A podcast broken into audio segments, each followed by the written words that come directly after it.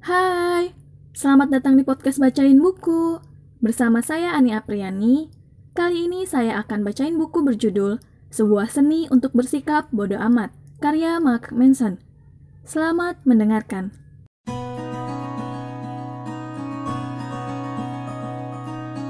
Cari tahu sendiri kebenarannya, dan aku akan menemuimu di sana. Itulah hal terakhir yang dikatakan Josh kepada saya. Dia mengatakan dengan ironis, berusaha terdengar dalam, dan di saat yang bersamaan mengolok orang yang berusaha terdengar punya pemikiran yang dalam. Dan dia adalah seorang teman yang baik. Momen yang paling mengubah hidup saya terjadi ketika saya berusia 19 tahun. Teman saya, Josh, mengajak saya ke sebuah pesta di Danau Utara Dallas, Texas. Di sana, ada apartemen yang terletak di atas bukit dan di bawahnya ada sebuah kolam. Dan di bawah kolam itu ada tebing yang mengarah ke danau. Tebing yang cukup kecil sebenarnya, tingginya hanya 9 meter, tentu cukup tinggi untuk membuat Anda berpikir dua kali kalau mau melompat. Namun cukup rendah jika dikombinasikan dengan kadar alkohol yang tepat dan dorongan dari teman-teman sehingga Anda akan melompat dengan segera tanpa harus berpikir. Singkat cerita setelah ikut pesta, Josh dan saya duduk di kolam bersama, minum bir, dan berbincang seperti yang biasa dilakukan para pemuda tanggung. Kami berbicara tentang minum-minum dan band dan perempuan dan semua hal keren yang telah dilakukan Josh di musim panas itu semenjak berhenti dari sekolah musiknya. Kami ngobrol tentang bermain band bersama dan pindah ke New York, sebuah mimpi yang tidak masuk akal ketika itu. Kami masih bocah. Kayaknya asik ya terjun dari sana. Saya bertanya setelah beberapa saat, menengokkan kepala ke arah tebing di atas danau. Tentu, kata Josh. Orang-orang sering melakukannya di sini. Kamu akan melakukannya? Dia mengangkat bahu. Mungkin, lihat saja nanti. Di malam harinya, Josh dan saya berpisah. Perhatian saya teralihkan pada gadis Asia kece yang menyukai video game, yang bagi saya, remaja maniak game seperti memenangkan lotre. Dia tidak tertarik kepada saya, namun dia ramah dan membiarkan saya berbicara, jadi saya berbicara. Setelah beberapa botol bir, saya mengumpulkan keberanian untuk mengajaknya naik ke rumah untuk mengambil beberapa makanan. Dia tidak keberatan. Saat kami naik ke atas bukit, kami berpapasan dengan Josh yang turun. Saya bertanya kepadanya apakah dia mau makanan, namun dia menolak. Saya bertanya kepadanya di mana saya bisa menemuinya setelah ini. Dia tersenyum dan berkata, "Cari tahu sendiri kebenarannya. Aku akan menemuimu di sana." Saya mengangguk dan memasang wajah serius. "Baiklah, aku akan menemuimu di sana." Jawab saya, seakan setiap orang tahu persis di mana keberadaan itu dan bagaimana cara mendapatkannya. Josh tertawa dan berjalan menuruni bukit menuju tebing. Saya tertawa dan berjalan menaiki bukit menuju rumah. Saya tidak ingat berapa lama berada di dalam rumah. Saya hanya ingat ketika gadis itu dan saya keluar lagi, semua orang telah pergi dan terdengar sirine. Kolam sudah kosong. Orang-orang berlarian menuruni bukit menuju tepi air di bawah tebing. Beberapa sudah di dalam air, saya menangkap beberapa sosok laki-laki berenang di sekitar danau. Saat itu gelap dan sulit melihat dengan jelas. Musik berdentum, tetapi tidak ada yang mendengarkan. Masih belum mengerti sepenuhnya, saya bergegas turun ke tepi air, menikmati sandwich saya. Penasaran apa yang sedang dilihat semua orang. Separuh jalan turun, gadis Asia yang cantik itu berkata kepada saya, Rasanya baru saja terjadi sesuatu yang menakutkan. Saat saya sampai di kaki bukit, saya bertanya kepada seseorang di mana Josh. Tidak seorang pun yang menoleh ke arah saya atau menyadari kehadiran saya. Semua orang memandangi air. Saya bertanya sekali lagi, dan seorang gadis mulai menangis histeris. Barulah saya mengerti sepenuhnya. Perlu waktu tiga jam bagi para penyelam untuk menemukan jasad Josh di dasar danau. Hasil otopsi mengatakan kalau kakinya mengalami kram karena dehidrasi akibat alkohol ditambah dampak dari terjun dari atas tebing. Di luar sangat gelap ketika dia melompat. Airnya tidak terlihat, hitam, hanya hitam. Tidak ada seorang pun yang dapat melihat arah teriakannya ketika dia minta tolong. Hanya suara sesuatu terjatuh ke dalam air. Hanya suara itu. Orang tuanya kemudian mengatakan kepada saya bahwa dia seorang perenang yang buruk. Saya sama sekali tidak tahu. Saya menangis sendirian hingga 12 jam. Saya berada di dalam mobil, mengemudi pulang ke Austin keesokan harinya. Saya menelpon ayah saya dan mengatakan bahwa saya masih dekat Dallas dan saya akan izin tidak masuk kerja. Saya bekerja dengannya di musim panas itu. Dia bertanya, "Mengapa? Apa yang terjadi? Apakah semua baik-baik saja?" Dan ketika itulah semua meledak, tangis itu. Ratapan dan jeritan dan ingus. Saya menempatkan mobil ke bahu jalan dan mencengkeram telepon dan menangis seperti seorang anak kecil yang menangis kepada ayahnya. Saya mengalami depresi berat musim panas itu. Saya memang pernah depresi sebelumnya, namun saya pikir ini adalah sebuah level kehampaan yang sangat baru. Kesedihannya begitu dalam sehingga secara fisik menyakitkan. Orang-orang berkunjung dan mencoba membuat saya sedikit ceria. Dan saya duduk terdiam dan mendengarkan mereka mengatakan semua hal baik dan meminta saya melakukan hal-hal baik pula. Dan saya duduk terdiam dan mendengarkan mereka dan saya menyampaikan terima kasih pada mereka karena sudah mau datang. Dan saya membuat senyum palsu dan berbohong dan mengatakan bahwa sekarang sudah terasa lebih baik. Namun di balik itu, saya tidak bisa merasakan apa pun. Saya bermimpi tentang Josh beberapa bulan setelah kejadian itu. Mimpi di mana dia dan saya ngobrol seru mengenai kehidupan dan kematian. Juga hal-hal remeh dan tanpa juntrungan lainnya. Pada titik itu dalam kehidupan saya, saya hanya anak yang suka teler dari keluarga kelas menengah, malas, tidak bertanggung jawab, susah bergaul, dan merasa tidak aman. Josh dalam banyak hal menjadi seseorang yang saya idolakan. Dia lebih tua, lebih percaya diri, lebih berpengalaman, dan lebih menerima serta terbuka terhadap dunia di sekitarnya. Dalam satu mimpi terakhir saya tentang Josh, saya duduk dalam sebuah jacuzzi dengannya. Ya, saya tahu ini aneh dan saya mengatakan sesuatu seperti, Aku sungguh minta maaf atas kepergianmu. Dia tertawa. Saya tidak ingat persis apa kata-katanya, tapi dia mengatakan sesuatu seperti, Kenapa kamu meratapi kematian saya, sementara kamu begitu takut hidup? Saya terbangun, menangis. Saya sedang duduk di sofa ibu saya di musim panas itu, menatap suatu lorong gelap, memandangi kehampaan yang tak berujung dan tak terpahami di mana persahabatan saya dan Jos dulu ada di sana. Hingga saya sampai pada sebuah kesadaran yang mengejutkan bahwa jika memang tidak ada alasan untuk melakukan sesuatu pun, tidak ada alasan juga untuk tidak melakukan apa pun. Bahwa di hadapan wajah kematian yang tidak terelakkan, tidak ada alasan untuk pernah menyerah pada ketakutan atau rasa malu, karena itu pun tidak ada artinya. Dan jika saya sekarang menghabiskan sebagian besar hidup saya yang singkat di dunia dengan menghindari apa pun yang menyakitkan dan tidak membuat nyaman. Pada dasarnya, saya sedang menghindari kehidupan. Musim panas itu, saya membuang semua ganja dan rokok dan permainan video. Saya membuang jauh fantasi bintang rock yang konyol dan berhenti dari sekolah musik dan mendaftarkan kuliah. Saya mulai rutin ke tempat kebugaran dan menurunkan berat badan. Saya berteman dengan orang-orang baru. Saya mempunyai pacar pertama saya untuk pertama kalinya dalam hidup saya, saya benar-benar belajar di dalam kelas, membuat saya sadar bahwa saya bisa mendapatkan nilai yang bagus kalau saya berusaha. Musim panas berikutnya, saya menantang diri saya untuk membaca 50 buku non-fiksi dalam waktu 50 hari, dan saya menuntaskannya. Tahun berikutnya, saya pindah ke universitas terkemuka di tempat lain, di mana saya tampil gemilang untuk pertama kalinya, baik secara akademik maupun sosial. Kematian Josh menandai secara jelas tonggak perubahan identitas yang saya mulai. Pra tragedi, saya adalah orang yang terkungkung, tidak punya ambisi, selalu terobsesi dan dibatasi oleh apa yang dalam imajinasi saya dipikirkan dunia tentang saya.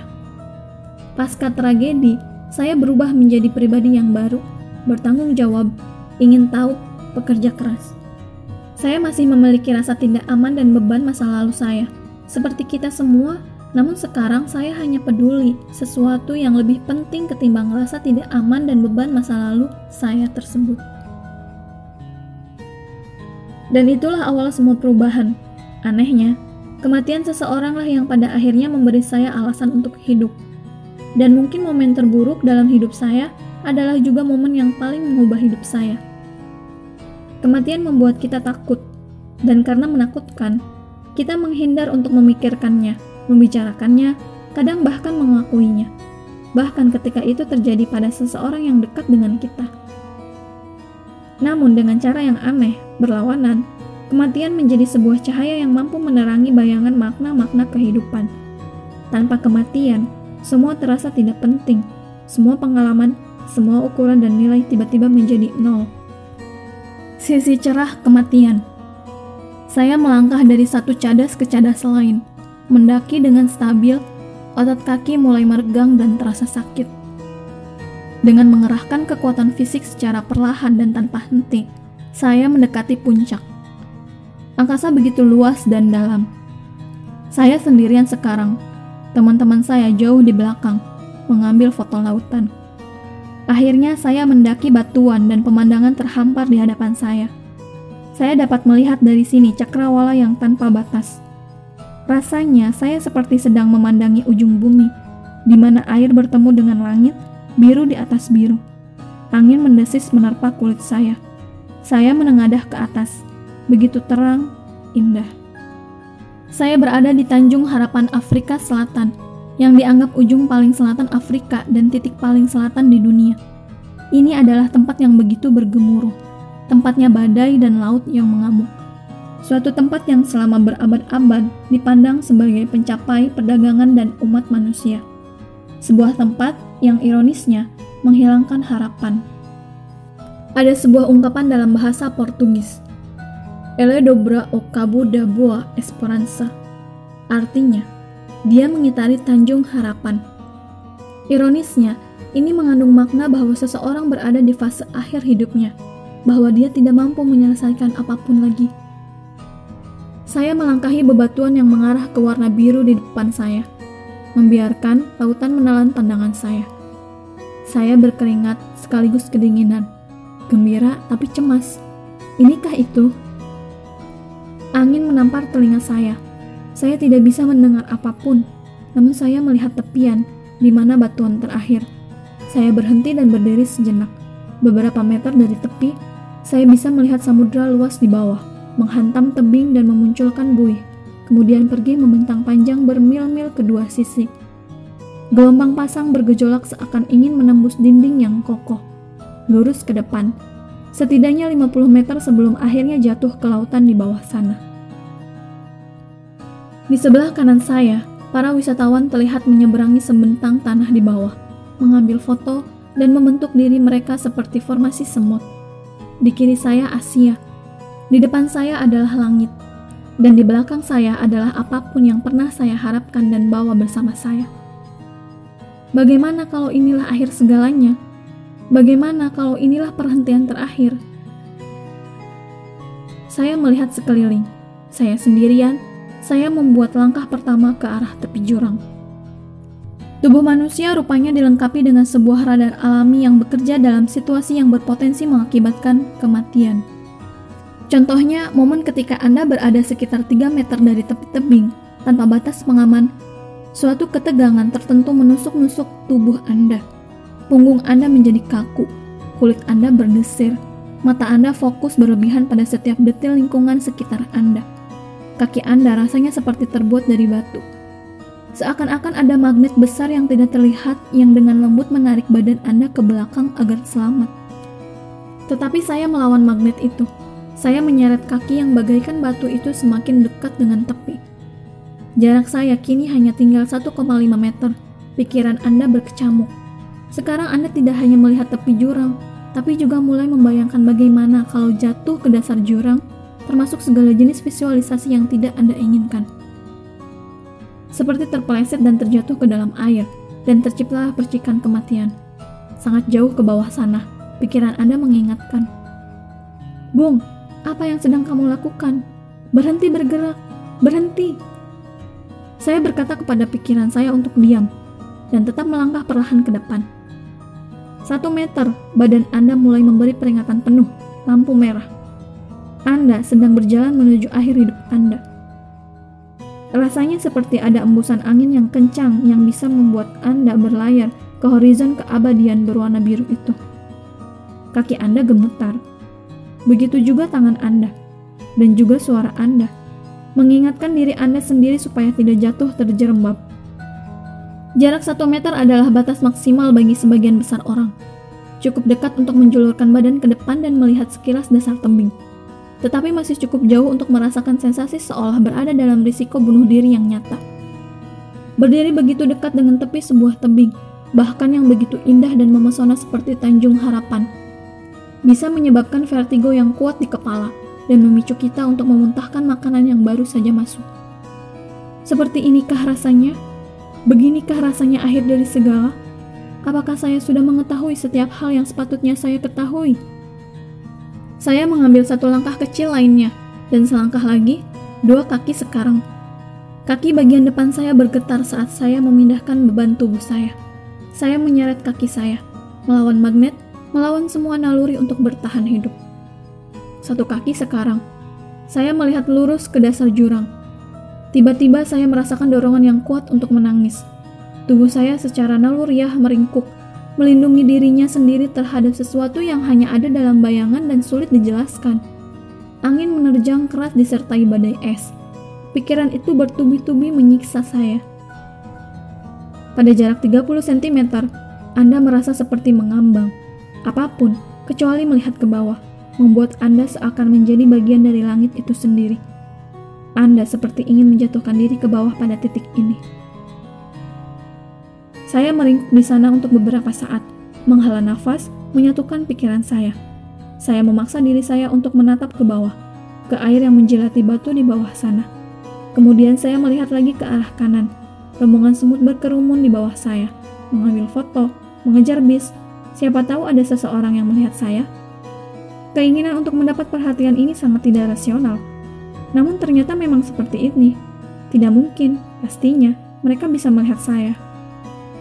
Kalaupun mereka melihat, tidak ada yang bisa dilakukan atau dikatakan orang-orang dari kejauhan sana. Yang bisa saya dengar hanya angin. Beginikah rasanya? Tubuh saya gemetar ketakutan. Rasa takut menjadi terasa seperti euforia dan menyilaukan. Saya memfokuskan pikiran saya melalui semacam meditasi. Tidak ada yang membuat Anda bisa menyadari diri sepenuhnya selain berada beberapa sentimeter saja dari kematian Anda sendiri. Saya menegakkan badan dan melihat ke atas lagi, dan mendapati diri saya tersenyum. Saya mengingatkan diri saya sendiri kalau mati tidak apa-apa. Keinginan dan bahkan interaksi dengan kematian ini berakar di masa lampau. Kalangan Stoa Yunani dan Romawi kuno memohon dengan sangat agar orang-orang terus menjaga kesadaran akan kematian dalam benak mereka. Sehingga mereka lebih menghargai kehidupan dan tetap rendah hati ketika menjalani kemalangan. Dalam berbagai bentuk Buddhisme, praktik meditasi sering diajarkan sebagai cara untuk mempersiapkan diri seseorang menghadapi kematian selagi masih hidup di dunia. Melarutkan ego seseorang ke dalam sebuah ketiadaan yang luas, meraih pencerahan nirwana, dilihat sebagai suatu langkah uji coba dalam mengantarkan seseorang yang menyeberang ke sisi lain dari dunia. Bahkan Mark Twain, pria bodoh berbulu yang lahir dan wafat bersama komet Halley, berkata, Ketakutan akan kematian menandakan ketakutan akan kehidupan. Seseorang yang hidup secara paripurna, siap mati kapan saja. Kembali ke jurang. Saya membungkuk, sedikit jongkok. Saya meletakkan tangan di atas tanah di belakang tubuh saya dan perlahan duduk. Kemudian saya pelan-pelan menggeser satu kaki ke bibir jurang. Ada batu kecil yang menonjol di sisi tebing. Saya menyandarkan kaki ke atasnya Kemudian saya menggeser kaki satunya melewati tepi tebing dan meletakkannya di atas batu yang sama. Saya duduk di sana beberapa waktu, berbaring di atas kepalan tangan saya. Angin membuat rambut saya berkibar. Kecemasan sudah teratasi sekarang, selama saya tetap fokus pada cakrawala. Kemudian saya duduk tegak dan melihat ke bawah jurang lagi. Rasa takut kembali menyergap melalui tulang belakang, menyetrum anggota tubuh saya, dan ibarat laser memfokuskan pikiran saya pada koordinat tertentu dari setiap inci tubuh saya. Rasanya seperti tercekik, namun setiap kali saya merasa sesak nafas, saya mengosongkan pikiran. berkonsentrasi pada dasar jurang di bawah saya, memaksa diri saya untuk menatap lekat-lekat kiamat yang ada di depan saya, dan kemudian mengakui keberadaannya. Itu saja. Sekarang saya duduk di batas dunia, di ujung harapan paling selatan, pintu gerbang ke arah timur. Saya merasa gembira. Saya bisa merasakan adrenalin yang terpompa di seluruh tubuh saya. Begitu tenang, sangat sadar, tidak pernah begitu menegangkan. Saya mendengarkan angin dan memandangi samudra dan yang ada di atas ujung dunia. Dan kemudian saya tertawa bersama cahaya. Semua yang tersentuh cahaya menjadi baik. Menghadapi kenyataan mengenai kematian Anda sendiri penting, karena ini melenyapkan semua nilai yang buruk, rapuh, dangkal dalam hidup. Sementara sebagian besar orang bersungut-sungut akan hari-hari yang mereka lalui ketika mencari uang, atau mencari tambahan ketenaran dan perhatian, atau mencari sedikit lagi kepastian bahwa mereka tidak bersalah atau sungguh dicintai. Kematian menghadapi kita semua dengan satu pertanyaan yang jauh lebih menyakitkan dan penting – apa warisan Anda? Bagaimana dunia akan menjadi berbeda dan lebih baik setelah Anda tiada? Pengaruh apa yang akan Anda berikan? Mereka berkata bahwa kepakan sayap seekor kupu-kupu di Afrika akan menyebabkan topan badai di Florida. Lalu, topan badai apa yang akan Anda tinggalkan di belakang Anda? Seperti yang ditunjukkan Becker, bisa dikatakan itulah satu-satunya pertanyaan yang sangat penting dalam hidup kita namun kita menghindar untuk memikirkannya. Satu, karena ini sulit. Dua, karena ini menakutkan. Tiga, karena kita sama sekali tidak tahu apa yang akan kita lakukan. Dan ketika kita menghindar dari pertanyaan ini, kita membiarkan nilai-nilai yang sepele dan penuh kebencian membajak otak kita dan mengambil alih hasrat dan ambisi kita, tanpa pernah mengakui tatapan kematian di hadapan kita nilai yang sifatnya dangkal akan tampil sebagai sesuatu yang penting, dan nilai yang sifatnya penting akan muncul sebagai nilai yang dangkal.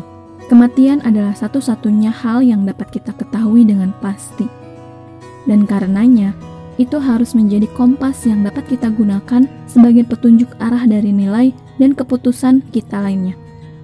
Inilah jawaban yang tepat atas semua pertanyaan yang seharusnya kita lontarkan, namun selalu tertelan kembali. Satu-satunya cara agar Anda merasa nyaman dengan kematian adalah dengan memahami dan melihat diri Anda sebagai sesuatu yang lebih besar daripada diri Anda sendiri. Memilih nilai yang melampaui nilai yang hanya melayani diri Anda sendiri, yang sederhana dan segera dan terkontrol dan toleran terhadap dunia yang carut-marut di sekitar Anda. Inilah akar dari semua kebahagiaan. Entah apakah Anda mendengarkan Aristoteles atau psikolog dari Harvard, atau Yesus Kristus, atau Beatles, mereka semua mengatakan bahwa kebahagiaan datang dari hal yang sama. Peduli terhadap sesuatu yang lebih besar dari diri Anda sendiri. Mempercayai kalau Anda merupakan satu komponen yang berkontribusi dalam semacam entitas yang jauh lebih besar, bahwa hidup Anda hanyalah secuil proses dari suatu produk besar yang menjadi misteri. Inilah perasaan yang dicari orang saat pergi ke gereja, Inilah yang diperebutkan orang dalam peperangan. Inilah alasan orang berkeluarga dan menabung untuk pensiun dan membangun jembatan dan menciptakan telepon seluler. Perasaan menjadi bagian dari sesuatu yang lebih agung dan lebih misterius daripada dirinya. Dan kepongahan melucuti perasaan ini dari kita. Gaya tarik kepongahan menarik semua perhatian ke dalam, ke arah diri kita, membuat kita merasa seakan-akan Kitalah pusat dari semua masalah alam semesta, bahwa kita satu-satunya yang mengalami semua ketidakadilan, bahwa kitalah orang yang berhak mendapatkan yang paling besar daripada orang lain. Yang menarik, kepongahan mengisolasi kita. Rasa penasaran dan kegembiraan kita terhadap dunia berubah dan mencerminkan bias dan proyeksi kita sendiri pada setiap orang yang kita temui dan setiap peristiwa yang kita alami. Ini terasa seksi dan menggoda dan mungkin terasa enak untuk sementara waktu dan menarik minat banyak orang. Namun ini adalah racun spiritual. Dinamika semacam inilah yang sekarang mengganggu kita. Kita mungkin sejahtera secara material, namun secara psikologis kita tersiksa karena berada dalam tingkat yang rendah dan cara yang dangkal. Orang-orang melepaskan semua tanggung jawab, menuntut masyarakat mengurus perasaan dan sifat cepat tersinggung mereka. Orang-orang memegangi kepastian mereka secara membabi buta dan memaksakannya kepada orang lain, sering kali dengan kekerasan, mengatasnamakan kebenaran yang dibuat-buat. Orang-orang keblinger oleh superioritas palsu, jatuh ke dalam dorongan untuk tidak melakukan apa-apa, dan kelesuan karena takut mencoba sesuatu yang bermanfaat dan takut gagal. Pemikiran modern yang manja ini telah berdampak pada suatu populasi manusia yang merasa layak mendapat sesuatu tanpa berusaha sebuah populasi manusia yang merasa berhak atas sesuatu tanpa mau berkorban. Orang-orang menyatakan diri mereka sebagai para ahli, wira swasta, penemu, pembawa inovasi, unik, dan coach tanpa ada pengalaman hidup nyata.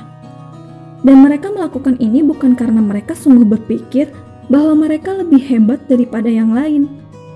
Mereka melakukannya karena mereka merasa perlu menjadi lebih hebat agar bisa diterima dalam suatu dunia yang hanya menyiarkan orang-orang luar biasa. Budaya kita sekarang merancukan antara perhatian yang besar dan kesuksesan yang besar, mengira kalau keduanya hal yang sama, tetapi sebenarnya tidak. Anda hebat. Ya, sudah.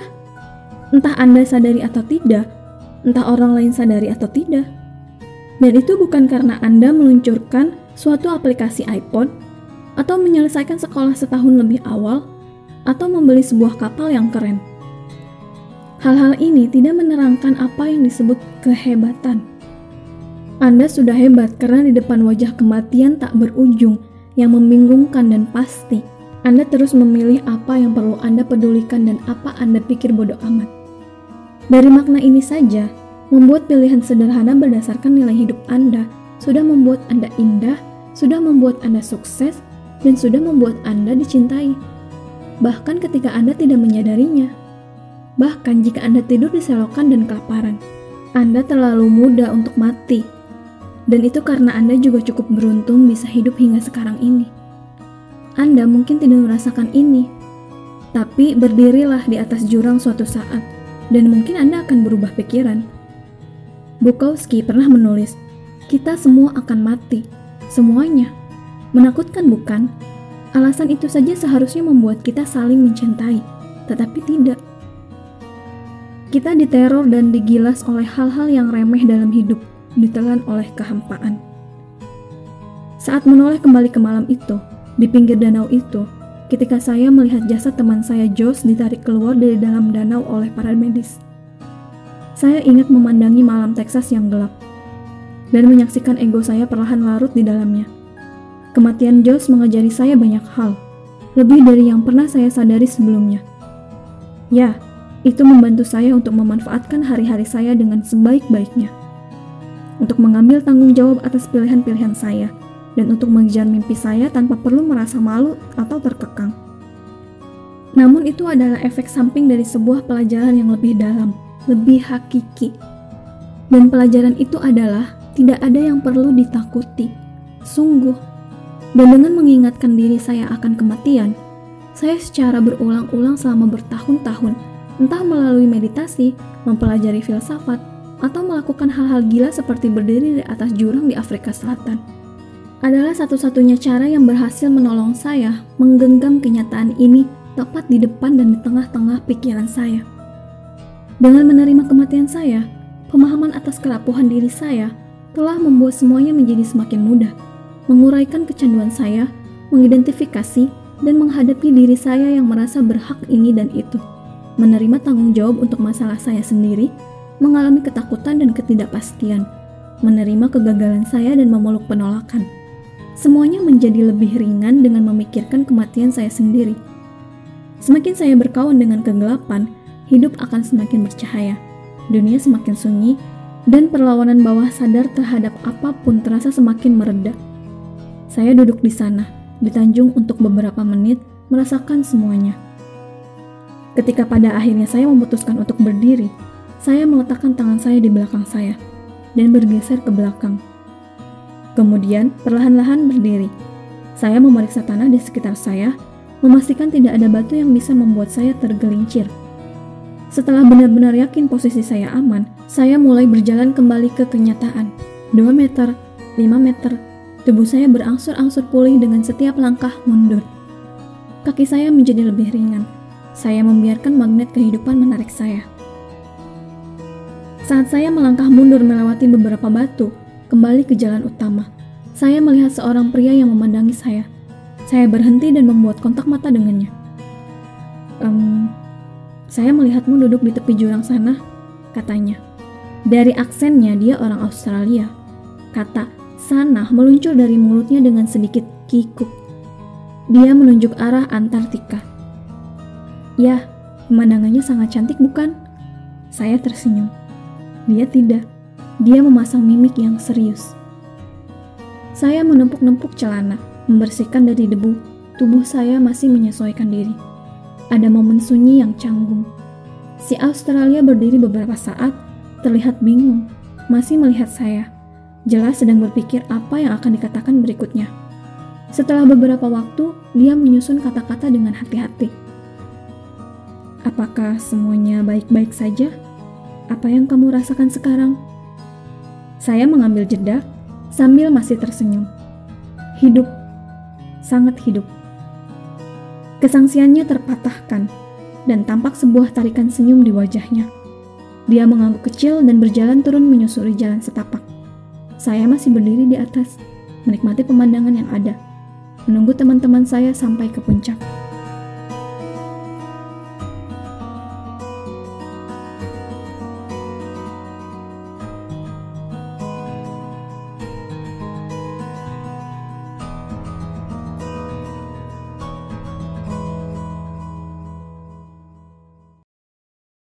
Demikian buku sebuah seni untuk bersikap bodoh amat karya Mark Manson.